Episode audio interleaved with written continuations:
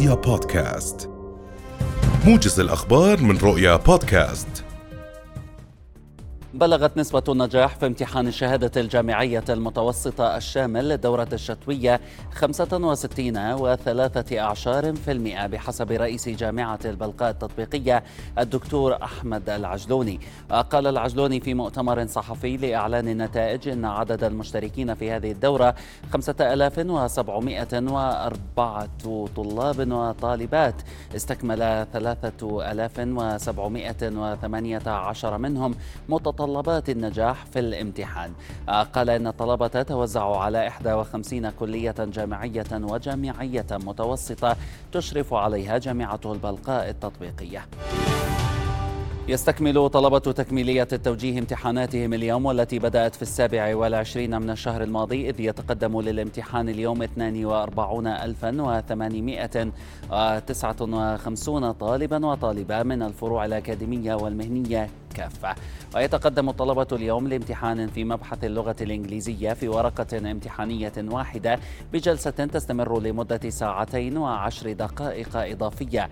الناطق باسم وزارة التربية والتعليم قال إن الامتحانات منذ انطلاقها وحتى السادس عشر من الشهر الحالي تسير وفق ما هو مخطط لها وبكل سهولة ويسر. قال وزير الاتصال الحكومي الناطق الرسمي باسم الحكومة فيصل الشبول إن مشروع الناقل الوطني استراتيجي وضخم وضروري لأن الوضع المائي في الأردن لا يحتمل أكثر من ذلك. أضاف الشبول في حديث لرؤيا أنه سيبدأ أو سيبدأ بتنفيذ مشروع الناقل الوطني في أواخر عام 2024 وفيما يتعلق بالفاتورة الموحدة للمياه والكهرباء أوضح الشبول أنها مرتبطة برقمنة الخدمات الحكومية. وحول حجب خدمات تيك توك في الأردن قال شبول إن الأطفال في الأردن بحاجة للحماية من محتوى مواقع التواصل الاجتماعي الذي ينشر دون ضوابط. أكد وجود حوار قانوني فني لعودة عمل التطبيق في الأردن وفق الشروط. يستمع مجلس النواب اليوم إلى خطاب الموازنة العامة للسنة المالية 2022 الذي يلقيه وزير المالية محمد العسعس.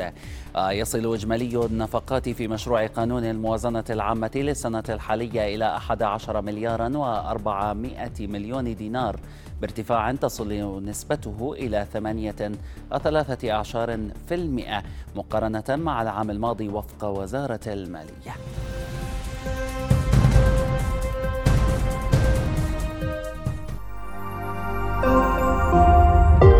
رؤيا بودكاست.